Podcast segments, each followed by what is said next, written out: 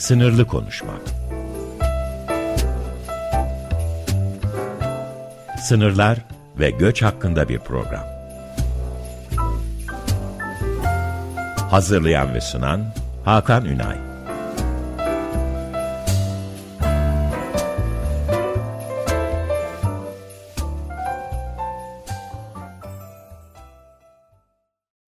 Değerli Açık Radyo dinleyicileri merhabalar. Ee, sınırın daha fazla konuşulması gerektiğinden hareketle başladığımız Sınırlı Konuşmak'ın 8. bölümünde karşınızdayız. Ee, bu bölümde e, yine Türkiye'nin bir sınırına uzanacağız. Türkiye-Gürcistan sınırı üzerine e, sohbetimizi gerçekleştireceğiz. E, bu haftaki konuğum e, Kerem Özbey, Artvin Çoruh Üniversitesi'nden. Hem e, konum olarak orada bulunmuş olması hem de çalışmalarının odağını Türkiye-Gürcistan sınırı üzerine e, koyması ee, özellikle e, böyle bir konu konuşulacaksa galiba doğru adresteyiz. Kerem Hocam öncelikle hoş geldiniz. Hoş bulduk. Ee, hayırlı olsun programımız Hakan Bey. Teşekkür çok ederim. Çok sağ olun. Ee, yani sınırın e, konuşmaya çalışıyoruz. Konuşmayı seviyoruz. Tartışmayı seviyoruz. Dolayısıyla sınırın e, her türlü alt alanına dair de e, güzel sohbetler yapmayı planlıyoruz bu programda. Ben herkese sorduğum gibi ilk soruyla başlayayım size. E, sınır sizin için ne ifade ediyor Kerem Hocam? Evet, e, sınır ve sınır çalışmaları e, hem sosyal bilimlerin hem de sosyolojinin güncel e, temaları arasında yer alıyor. E, sınır kavramı e, hem yeni ve güncel olması hasebiyle hem de e, içerdiği e, çok yönlü anlamlar açısından e, değişken bir kavram. Yani e, zamana göre, mekana göre, topluma göre, kültüre göre ve bağlama göre farklı anlamlar içeren e, bir yapıya sahip.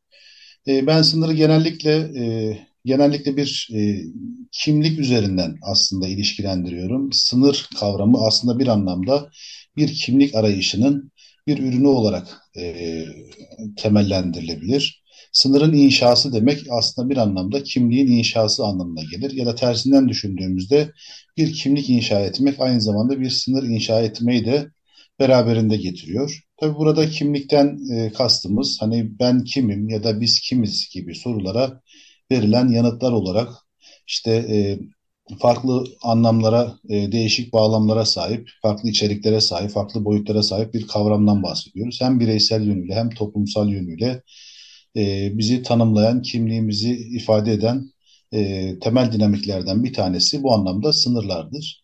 E, dolayısıyla sınırların inşası e, tabii çok yönlü, karmaşık ve dinamik bir yapıya sahip. E, bu açıdan baktığımızda sınırlar işte e, hem e, bir yönüyle e, siyasal sınırlar yani devletin sınırları ile diğer taraftan ise toplumsal sınırlar dediğimiz bir e, yapıya sahip. Yani bir taraftan politik sınırlar, diğer taraftan kültürel sınırlar açısından baktığımızda çok yönlü bir süreçtir. E, tabii kimlik inşası da bu anlamda baktığımızda hem bir yönüyle e, siyasal bir inşa sürecidir. Yani e, dikey anlamda hem de yatay ve etkileşimseldir. Bu anlamda sınırlar hem bir anlamda dikey anlamda işte kimlikleri inşa eder e, ikili anlamda hem de bir taraftan e, sınır ötesi ilişkileri ve etkileşimleri de aslında inşa etmiş olur. Ve böyle bakıldığında e, sınırlar hani e, bir kimlik inşası olarak e, temellendiriyorum ya da temel çıkış noktam aslında kimlik temelli olduğunu söyleyebilirim. Hocam burada e, araya gireyim. Çok güzel bir giriş oldu. E, açıkçası bütün bölüm boyunca konuşacağımız her şeyi ilk başta böyle bir güzel bir kapsamlı şekilde açıklamış oldunuz. Aslında geçtiğimiz programlarda bu sınırın e, özellikle kimlik temelli e, konuştuğumuz bölümleri oldu. Ama galiba her e, sınır hattını ayrı ayrı düşünmek lazım. Yani evet. bütün sınırlar için genelleme yapmak tabii ki de doğru değil ama özellikle Türkiye için bu biraz daha ön plana çıkıyor sanıyorum. Çünkü e, Türkiye'nin komşuları çok fazla ve sınır özellikle sınır komşuları itibariyle de her sınırı ayrı ayrı değerlendirdiğimizde farklı temaların öne çıktığını görüyoruz. Tabii bu evet. nereden baktığınızda çok alakalı ama en azından yoğunluk itibariyle o sınırda neyin yoğun olduğunu e, görebiliyoruz. Yani Suriye sınırında bir göç mevzusu e, var ve özellikle kültürel bir hafızayla beraber gelen bir kültürel etkileşim meselesi var. Irak sınırında keza aynı şey geçerli. Bunun üzerine bir de e, belki gayrimeşru bir ekonomi diyebileceğimiz kaçakçılığın çok ön planda olduğunu görüyoruz. E, dolayısıyla burada Gürcistan, Türkiye-Gürcistan sınırında sanki en azından literatürü dışarıdan okuyan, yani literatüre hakim ama orada sahada olmayan biri olarak benim gözlemim e, ekonomik temelli bir sınır hattı gibi. Evet. E, ben öncelikle oradan başlamak isterim. Buyurun. Yani Türkiye-Gürcistan sınırıyla alakalı e, ne söyleyebiliriz yeni hatlarıyla? E, tabii bu hani sizin de söylediğiniz gibi aslında her sınır bölgesi benzersizdir. Yani farklı dinamiklere, farklı süreçlere, farklı boyutlara sahiptir. Türkiye'nin birbirinden farklı sınırları ve sınır bölgeleri söz konusu. Hatta ve hatta şöyle düşünmek lazım. Aynı sınır bölgesi de kendi içerisinde farklı e, bölmelerden, dilimlerden oluşan ve her birinde farklı dinamikleri olduğunu görüyoruz. Özellikle Türkiye-Gürcistan sınır bölgesinde e, nacizane benim yani yapmış olduğum alan çalışmalarında e, sahada elde etmiş olduğumuz işte görüşmelerde, gör, gözlemlerimizde e, bir bakıyorsunuz sınırın bir e, böl bölgesiyle bir başka bölgesi arasında birbirinden çok bambaşka dinamikler söz konusu. E, burada tabii e, hem bir taraftan da e, Gürcistan sınırına baktığımızda e, en çok etkileyici olan bir olaydan da bahsetmek gerekir. E, hatta bunu birkaç e, kaynakta da e, gördüğüm üzere e, dünyada eşi benzeri olmayan bir durum söz konusu. Onda, o da e, Türkiye-Gürcistan sınırının sıfır noktasında bir köy var, Sarp Köyü. Bu köyün temel özelliği e, Türkiye-Gürcistan sınırı, e, o zamanki adıyla Türkiye-Sovyet sınırı e, çizilirken e, bu sınırın köyün ortasından geçmesi ve köyü ikiye bölmesidir. Bu daha önce başka bir benzerin olmadığı da sıklıkla literatürde vurgulanır. Hakikaten de öyle. E, ya, burada bir yapmış olduğum çalışmada aslında sınır, mekan ve bellek üçgeninde meseleye ben e, odaklanmıştım. Ve sınır bölgesinde yaşayan e, insanların bu sınırı algılama süreçlerini farklı tarihsel süreçler üzerine anlamaya çalıştım. Bu da tabii Türkiye-Gürcistan sınırı aslında üç ana e, döneme ayrılır bu anlamda. 1921'den 1988'e kadar olduğu dönem, 1988'e sınırın açıldığı dönem ve artık 1991'den sonra yani Bağımsız Devletler Topluluğu kurulduktan sonra Soğuk Savaş'ın son bulduğu Sovyetler Birliği'nin çöktükten sonra ortaya çıkan yeni dönem yani üçüncü dönem de işte oradan günümüze kadar olan dönem üçüncü dönemi kapsıyor. Benim de amacım hani 90 öncesi dönemle o sınırın açıldığı dönem ve günümüzü aslında bir karşılaştırma yapabilmek. Bunu da sınır bölgesinde yaşayan 60 yaş üzerindeki e, insanlarla görüşerek o insanların o döneme dair hafızalarında nelerin yer ettiğini, sınıra dair ne tür algılamaların, anlamlandırmaların e, ortaya çıktığını ve günümüzde bir karşılaştırma şeklinde e, bir çalışma e, temellendirmiştim. E, sınır tabii hani bununla ilgili tabii e, hem bölgede bu bölgede yaşayan insanların da gündelik dilinde çok sıklıkla bu konuyla ilgili bahsettikleri durum şu. Sınır çizilirken işte cami bir tarafta kalmış, imam bir tarafta kalmış. E işte çocuk markete gitmiş ama çocuk o tarafta kalmış, ev sahibi bu tarafta kalmış. E, böyle tabii e, durumlar da söz konusu. Orada görüştüğümüz insanların e, hemen hemen çoğunun e, sınırın karşı tarafında mesela halası var, amcası var, teyzesi var. Sınır bölündükten sonra karşı tarafta kalmış.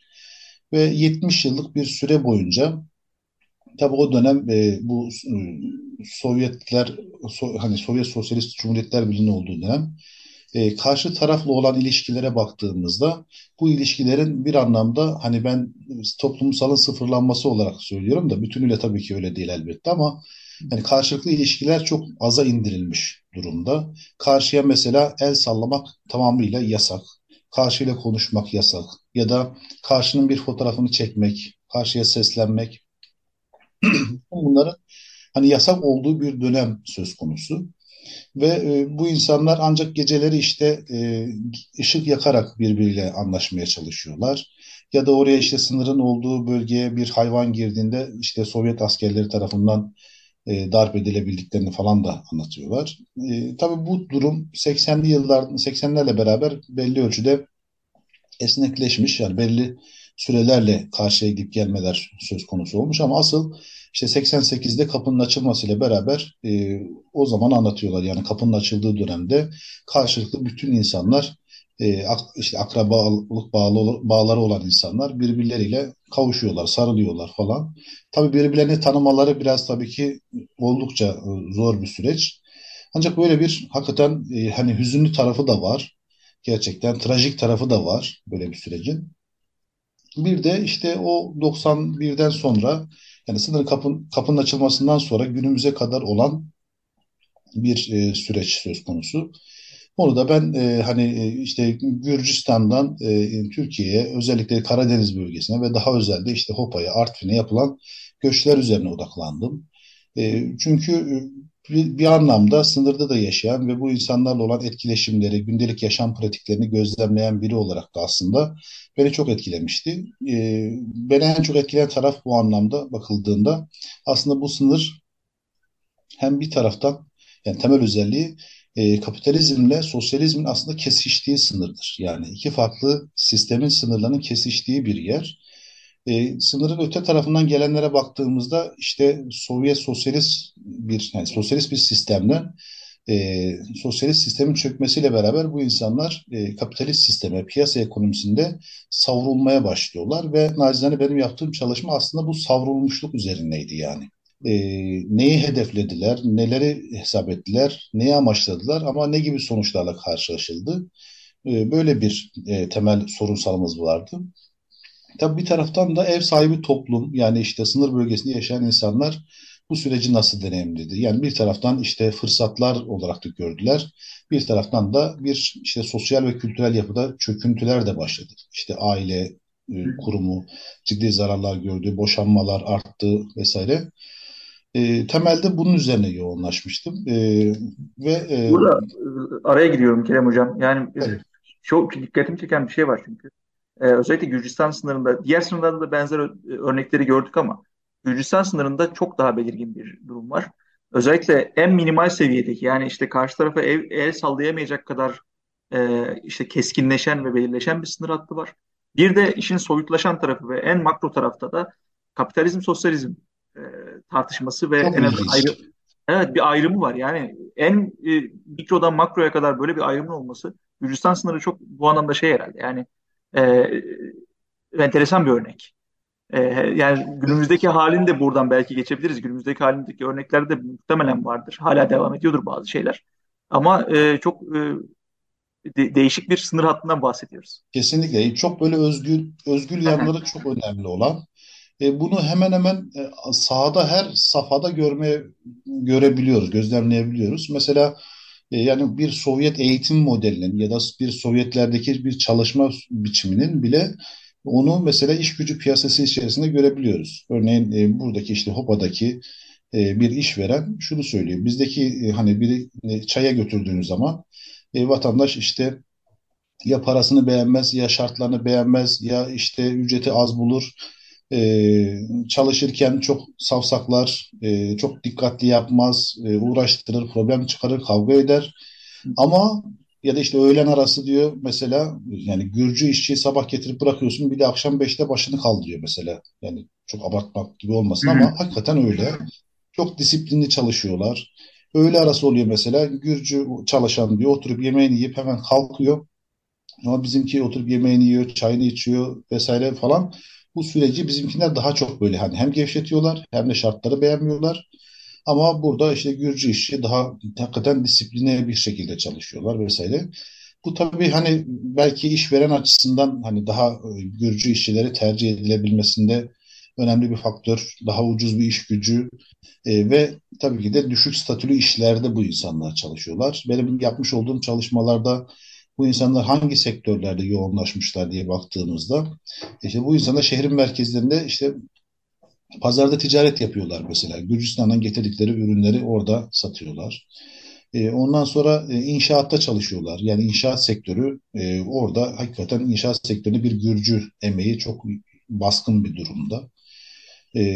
Tarım sektöründe hocam mesela işte çay işçiliği deyince Gürcü emeği ciddi manada bir e, alana sahip, bir hacme sahip öyle söyleyeyim. E, hem ekonomik anlamda hem de çalışma hayatı açısından. Yanlış e, hatırlamıyorsam ee, hocam pandemi döneminde e, bir Gürcü, Gürcü işçilerin gelememe durumu olmuştu. Orada ben yani evet, doğru. şeyin çok gündeme geldiği bir dönem vardı. E, galiba en büyük yani, yani sınırın e, sınır geçişinin ne kadar önemli olduğuna dair en büyük örnek oldu. En güncel örnek oldu. O dönemde ne yaşandı? Aynen, aynen. Hakimsinizdir. E, duruma. Ya estağfurullah. Hani ciddi manada bir Gürcü emeğine ihtiyaç olduğu için orada bir ciddi bir kriz de beraberine geldi. Bu kez işte hani e, bu bahsettiğim işleri kim yapacak meselesi yani iş başa düştü anlamında. E, işte nakliyecilik sektöründe de onlar çalışıyorlar. İşte çocuk, hasta, yaşlı bakım işlerinde de çalışıyorlar. E, diğer taraftan e, bu temizlik işlerinde, eğlence sektöründe, bunun gibi pek çok e, sektörde yoğun bir e, iş gücü, emek gücünü söz konusu. Ancak burada şunu da görmek lazım. Hadi bu süreç bir taraftan bizde de aslında yansımaları sadece ekonomik anlamda bir evet kazanç sağlıyor. Ama bir taraftan da bir ahlaki panik dediğimiz bir boyut da var. Yani bir taraftan bu insanların getirdiği o ekonomik kazançtan faydalanıyoruz ama bir taraftan da toplumdaki işte ahlaki çöküntü ya da toplumsal yaşamda ciddi bir e, çöküş söz konusu. Çünkü hakikaten e, boşanmalar çok ciddi manada artmış durumdaydı e, ve işte aldatmalar, işte gençlerin mesela hocam e, çoğu yani işte bu fuhuş sektörüyle iç içe yaşamaya e, alışmış durumda.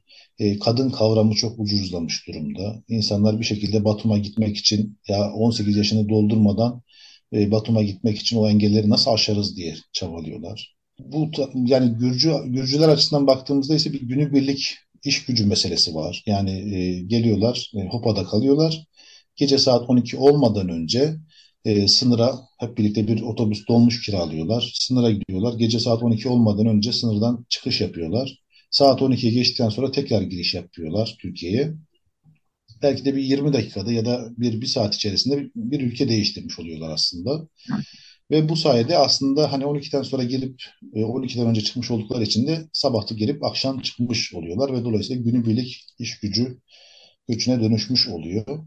Burada ee, e, hocam herhalde Gürcistan sınırının bir özel bir özelliği daha yani daha özgün bir özelliği daha da giriş çıkışların evet. çok yoğun yoğun ve sık olması. Yani Aynen, e, doğru, özellikle doğru. yani yanlışsam düzeltin lütfen giriş e, çıkış durumlarında bir ücret söz konusu. E, herkes için ücret geçerli var, değil. Evet yani bir ücret durumu var ama bir sınır olmasına rağmen aslında o sınır yokmuş gibi e, bütün hayat o şekilde devam ediyor.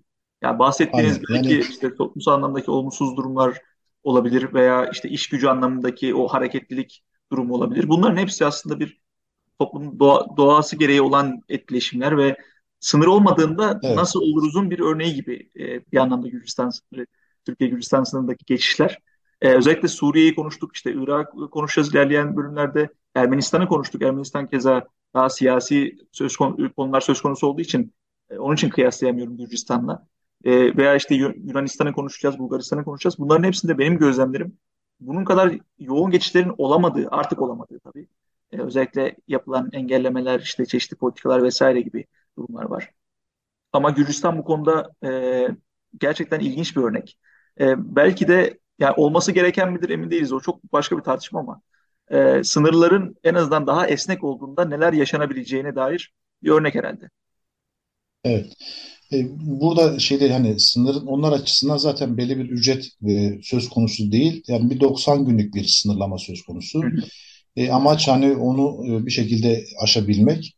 E, bizler açısından ise bugün mesela Gürcistan'a geçmek için işte aşağı yukarı 150 TL falan bir geçiş ücreti söz konusu.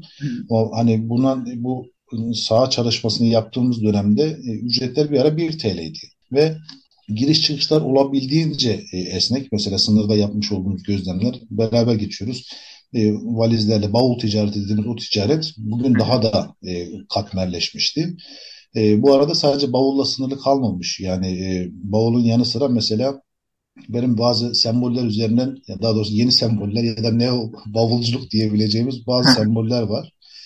E, mesela kadınlar işte çantalarıyla beraber çantaların içerisine e, işte sigara, alkol vesaire bütün bunları doldurup geliyorlar. İşte Kemalpaşa'da e, şehir merkezinde bekliyorlar ve orada ayakta herkese sigara satmaya ya da işte marketleri geziyorlar. E, onlara alkol satmaya çalışıyorlar, sigara, alkol. Ama tabii bizim tarafta olan kısma baktığımızda ise en önemli sorunlardan bir tanesi işte kaçak çalışma, e, düzensiz göçler e, ve bir taraftan da e, sos, yani sosyal güvenceden yoksuz olması, güvencesiz çalışma koşullarının ağır olması, e, sürekli bir kaygı, sürekli bir korku durumu söz konusu. Mesela biz alan çalışmasında işte bir e, Gürcü kadın lokantada çalışıyor. Görüşmek istedik. Ben bu arada yanında tercümanla beraber gidiyordum. Tercüman da bir e, kadındı.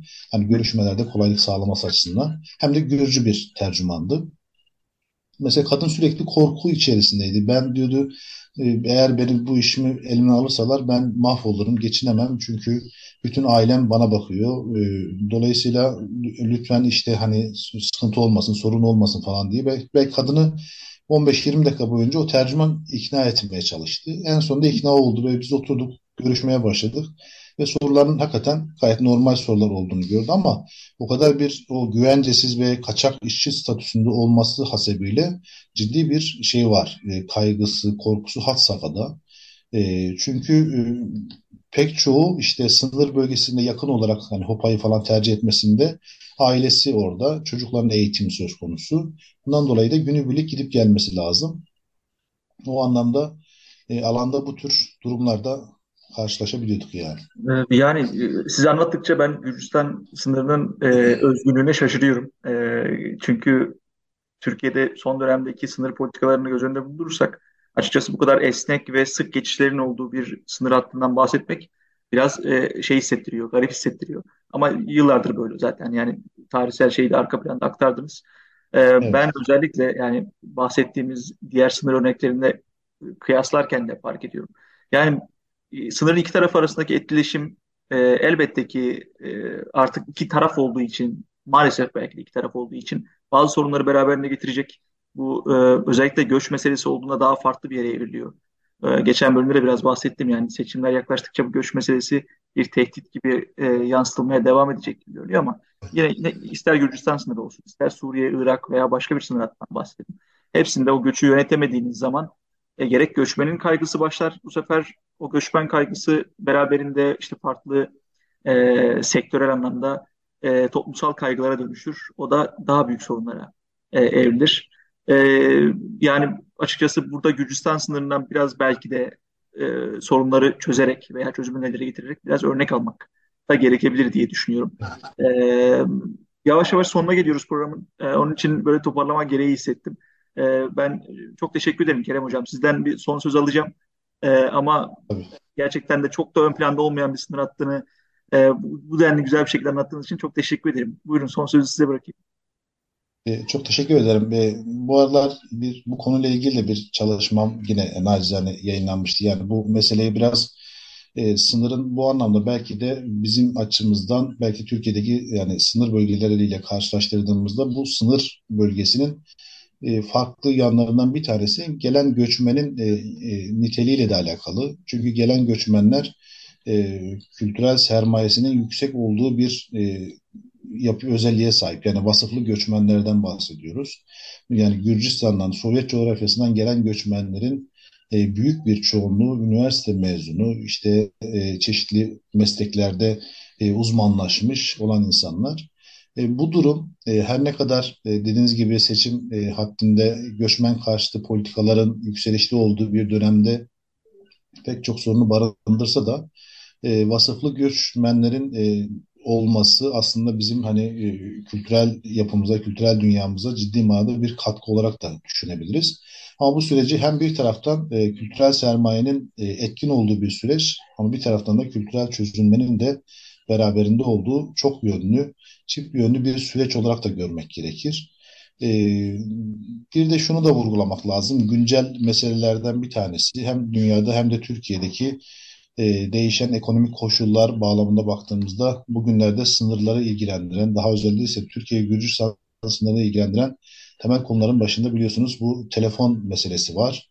E, insanlar e, Türkiye'nin her yerinden e, özellikle bu sınır bölgesinden işte Erzurum, Ardahan bu bölgelerden de olmak üzere çok sayıda insan e, sınıra hücum etmiş durumda. E, temel sebep bir şekilde karşıya geçip oradan iPhone telefonları alabilmek için e, kuyruklar, işte kalabalıklar, uzun süren saatler vesaire.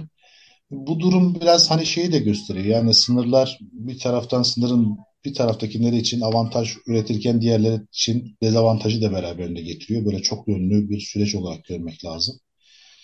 Ee, umarım bu sınırla ilgili çalışmalarımız derinlikli bir şekilde devam eder. Çok E, teşekkür ben e, nacizane son söz olarak şunu söyleyeyim. E, sınırla ilgili yapmış olduğum çalışmalar üzerinden e, sosyolojini de sosyoloji de aslında yeniden baştan bir daha e, hem okuma fırsatımız oldu sınırlar üzerinden hem de yazma fırsatımız da oldu. Yazıyoruz, e, okuyoruz. İnşallah daha güzel şeyler ortaya koyabiliriz. E, böyle önemli bir programı yaptığınız için de teşekkür ederim ve ben de böyle bir programa konuk ettiğiniz için ayrıca teşekkür ederim. Sağ olun, var Ne olun. demek hocam? Çok sağ olun. Çok teşekkür ederiz katkılarınız için. E, hep beraber inşallah sınırı e, genişletmeye, daha fazla konuşmaya devam edeceğiz. E, katkılarınız için çok teşekkür E, bu arada ederim. Çok özür dilerim. Bu arada e, sizin de bu sınır konusundaki yapmış olduğunuz e, çalışmalardan dolayı, dolayı da yapmış olduğunuz katkılardan dolayı da e, emeğinize sağlık. Teşekkür ederim. Gerçekten çok Çok önemli çok çalışmalar ortaya koyuyorsunuz. Sağ olun. Çok sağ olun Kerem Hocam. Ee, yani bir şeyler yapmaya çalışıyoruz. Umarım e, katkı verecek, politika yapımlarına katkı verecek derecede iyi çalışmalar ortaya koyabiliriz. Değerli dinleyicilerimiz çok e, dinlediğiniz için çok teşekkür ediyoruz. E, bir sonraki bölümde yine aynı günde, aynı saatte e, görüşmek üzere. E, hoşça kalın.